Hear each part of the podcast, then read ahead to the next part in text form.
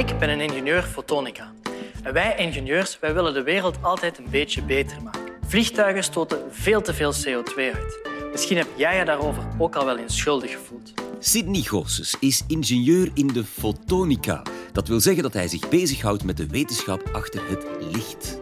En hij gaat ons uitleggen hoe we vliegtuigen lichter kunnen maken, waardoor ze minder CO2 uitstoten. Wat lichtere vliegtuigen met licht te maken hebben, buiten een simpele woordspeling, ontdek je in dit college. Hoe vlieg je binnenkort ecologischer naar Spanje? Dit is de Universiteit van Vlaanderen.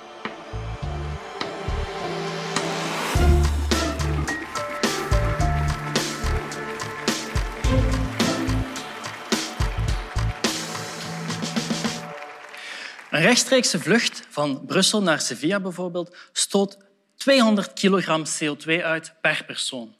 Dat is meer dan de gemiddelde benzinewagen op een maand uitstoot. Nu, ik ben er vrij zeker van dat ik niet de enige hier in de zaal ben die alleen het vliegtuig genomen heeft. Wie van jullie heeft al eens stilgestaan bij al die CO2-uitstoot en of dat allemaal nog wel verantwoord is? Misschien heb jij je ook al wel eens schuldig gevoeld hierover. Wel, de Europese Commissie lag er ook wakker van en heeft daarom het project Clean Sky opgericht. Dat is een heel groot Europees project waar onderzoeksinstellingen en luchtvaartbouwers de handen in elkaar slaan met als ultiem objectief om de CO2-uitstoot van nieuwe vliegtuigen met 30 procent te verlagen. Het is dan ook binnen dit project dat ik de kans heb gehad om te werken aan nieuwe materialen, om zo de vliegtuigen lichter en ecologischer te maken. Want inderdaad, des te lichter een vliegtuig, des te minder brandstof het nodig heeft en dus des te minder CO2 het uitstoot. Wie van jullie kan mij vertellen uit welk materiaal dat een vliegtuig grotendeels is opgebouwd? Aluminium, inderdaad. Het zijn lichte metalen zoals aluminium of titanium. Nu, dat is toch al superlicht, kan je dan misschien wel denken. Inderdaad, dus al sinds de eerste commerciële vluchten werd aluminium gebruikt voor het maken van vliegtuigen. Maar tegenwoordig kan het dus nog een stuk lichter. De nieuwste vliegtuigen, zoals de Airbus A350 of de Boeing 787, waar jullie misschien zelfs al eens hebben ingezeten, zijn al voor meer dan de helft gemaakt uit een nieuw materiaal. En die materiaalsoort die heet composiet. En dat composiet, dat kennen jullie trouwens allemaal, het zit bijvoorbeeld in een tennisracket of in het frame van een racefiets. Je kan je dus wel voorstellen dat het over een zeer sterk, maar toch zeer licht materiaal gaat. Nu, in vliegtuigen is dat composiet nog net iets anders. Het moet nog veel sterker zijn en van nog betere kwaliteit. Een composietmateriaal bestaat typisch altijd uit twee componenten. Enerzijds hebben we een deel dat voor de versterking gaat zorgen. En anderzijds hebben we een lichter materiaal dat daar rond zit en dat alles samenhoudt. Denk bijvoorbeeld aan gewapend beton. Hierin zijn het ijzeren staven die voor de versterking zorgen en dat beton wordt daar rondgegoten. Zo heb je dus toch de kracht van dat ijzer in bijvoorbeeld een flatgebouw, zonder dat dat hele gebouw uit ijzer gemaakt moet worden, want dat zou natuurlijk verschrikkelijk zwaar en verschrikkelijk duur zijn. Nu, in vliegtuigen gaan we natuurlijk niet werken met beton en met ijzer, want dan zouden ze nooit van de grond komen. Daar gaan we werken met een veel dunner en een veel lichter composiet. Hier is de versterking gemaakt van hele dunne, maar hele sterke vezels, zoals je hier kan zien. En die worden samengehouden door een veel lichtere en een veel hardere kunststof.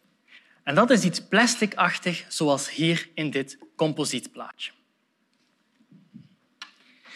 Die twee elementen die vormen dus samen één composietlaag.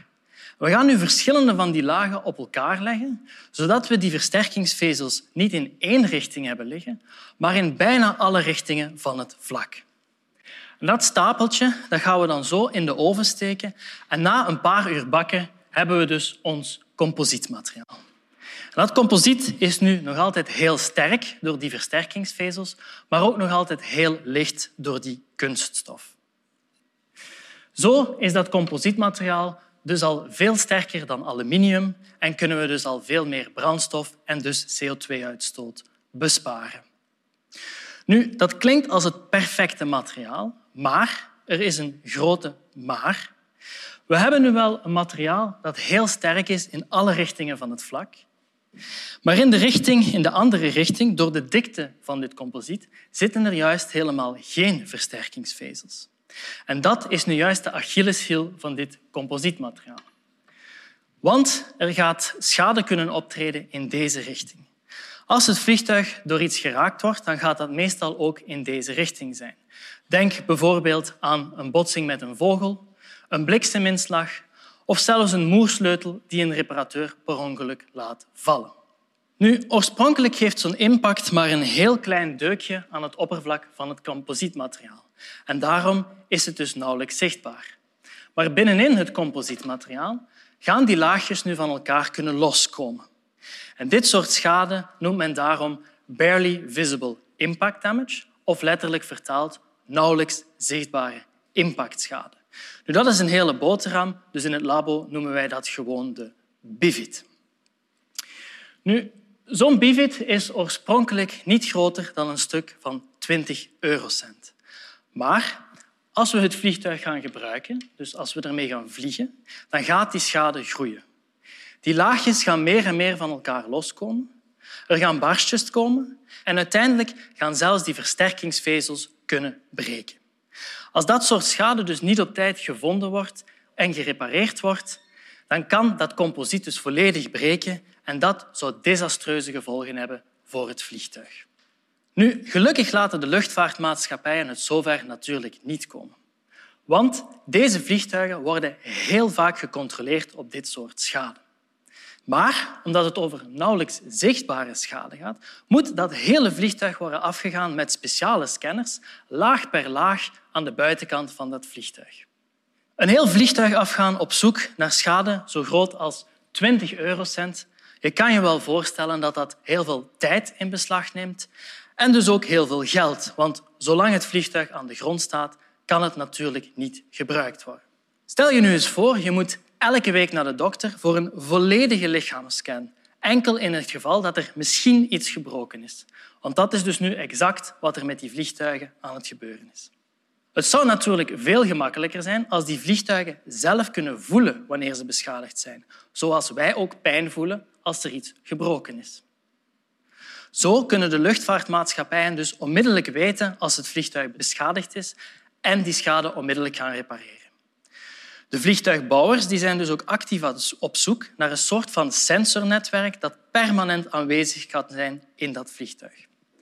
Zo kan dat sensornetwerk zelf even na elke vlucht nagaan of er ergens een impact is gebeurd en of dat vliegtuig dus gerepareerd moet worden. Dat sensornetwerk dat moet natuurlijk, zoals ons composietmateriaal, nog altijd heel licht en heel compact zijn, want we willen natuurlijk nog altijd zoveel mogelijk brandstof en CO2-uitstoot besparen.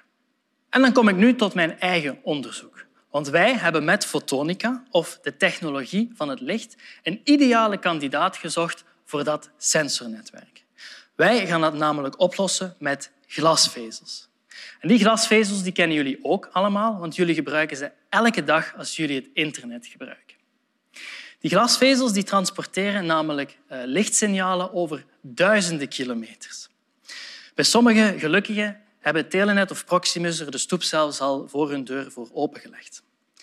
Wel, als jullie hier nu een zoekopdracht ingeven in Google, dan wordt die met de snelheid van het licht naar de servers in Amerika gestuurd, om dan een fractie van een seconde later de resultaten terug op jouw computer te tonen. En dat allemaal dankzij deze optische verbindingen. Maar hoe gaan we die glasvezels nu gebruiken in ons vliegtuig voor schade te detecteren? Wel, daarvoor is het belangrijk dat ik eventjes uitleg hoe zo'n glasvezel juist werkt. Een typische glasvezel is zo dun als een menselijk haar, zoals jullie hier kunnen zien. En zo'n glasvezel is typisch gemaakt uit twee delen. Eerst en vooral hebben we in het midden de kern van de glasvezel en daar rond zit de mantel. Als we nu een lichtstraal gaan insturen aan één kant van die glasvezel, dan gaat die lichtstraal gereflecteerd blijven op dat oppervlak tussen kern en mantel, totdat die er dus aan de andere kant terug uitkomt. En omdat de verliezen in zo'n glasvezel zo klein zijn, kan dat dus over honderden tot duizenden kilometers. Als ik dus nu bijvoorbeeld met mijn laserstraal hier een rode lichtstraal instuur in deze glasvezel, wel, dan zie je dat die er aan de andere kant van die glasvezel ook mooi terug uitkomt. Dat kan met één kleur, zoals hier bijvoorbeeld de kleur rood, maar dat kan ook met alle verschillende kleuren van de regenboog. Als we al die kleuren tegelijkertijd aan één kant die glasvezel insturen, dan zullen die er ook allemaal aan de andere kant mooi terug uitkomen.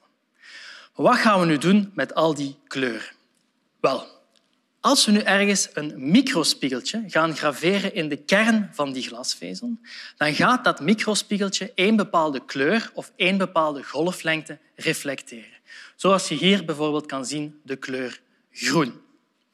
Maar als we nu aan die vezel gaan trekken, als we een rek gaan uitoefenen op de plaats van dat microspiegeltje, wel, dan gaat ook die gereflecteerde kleur van dat microspiegeltje opschuiven.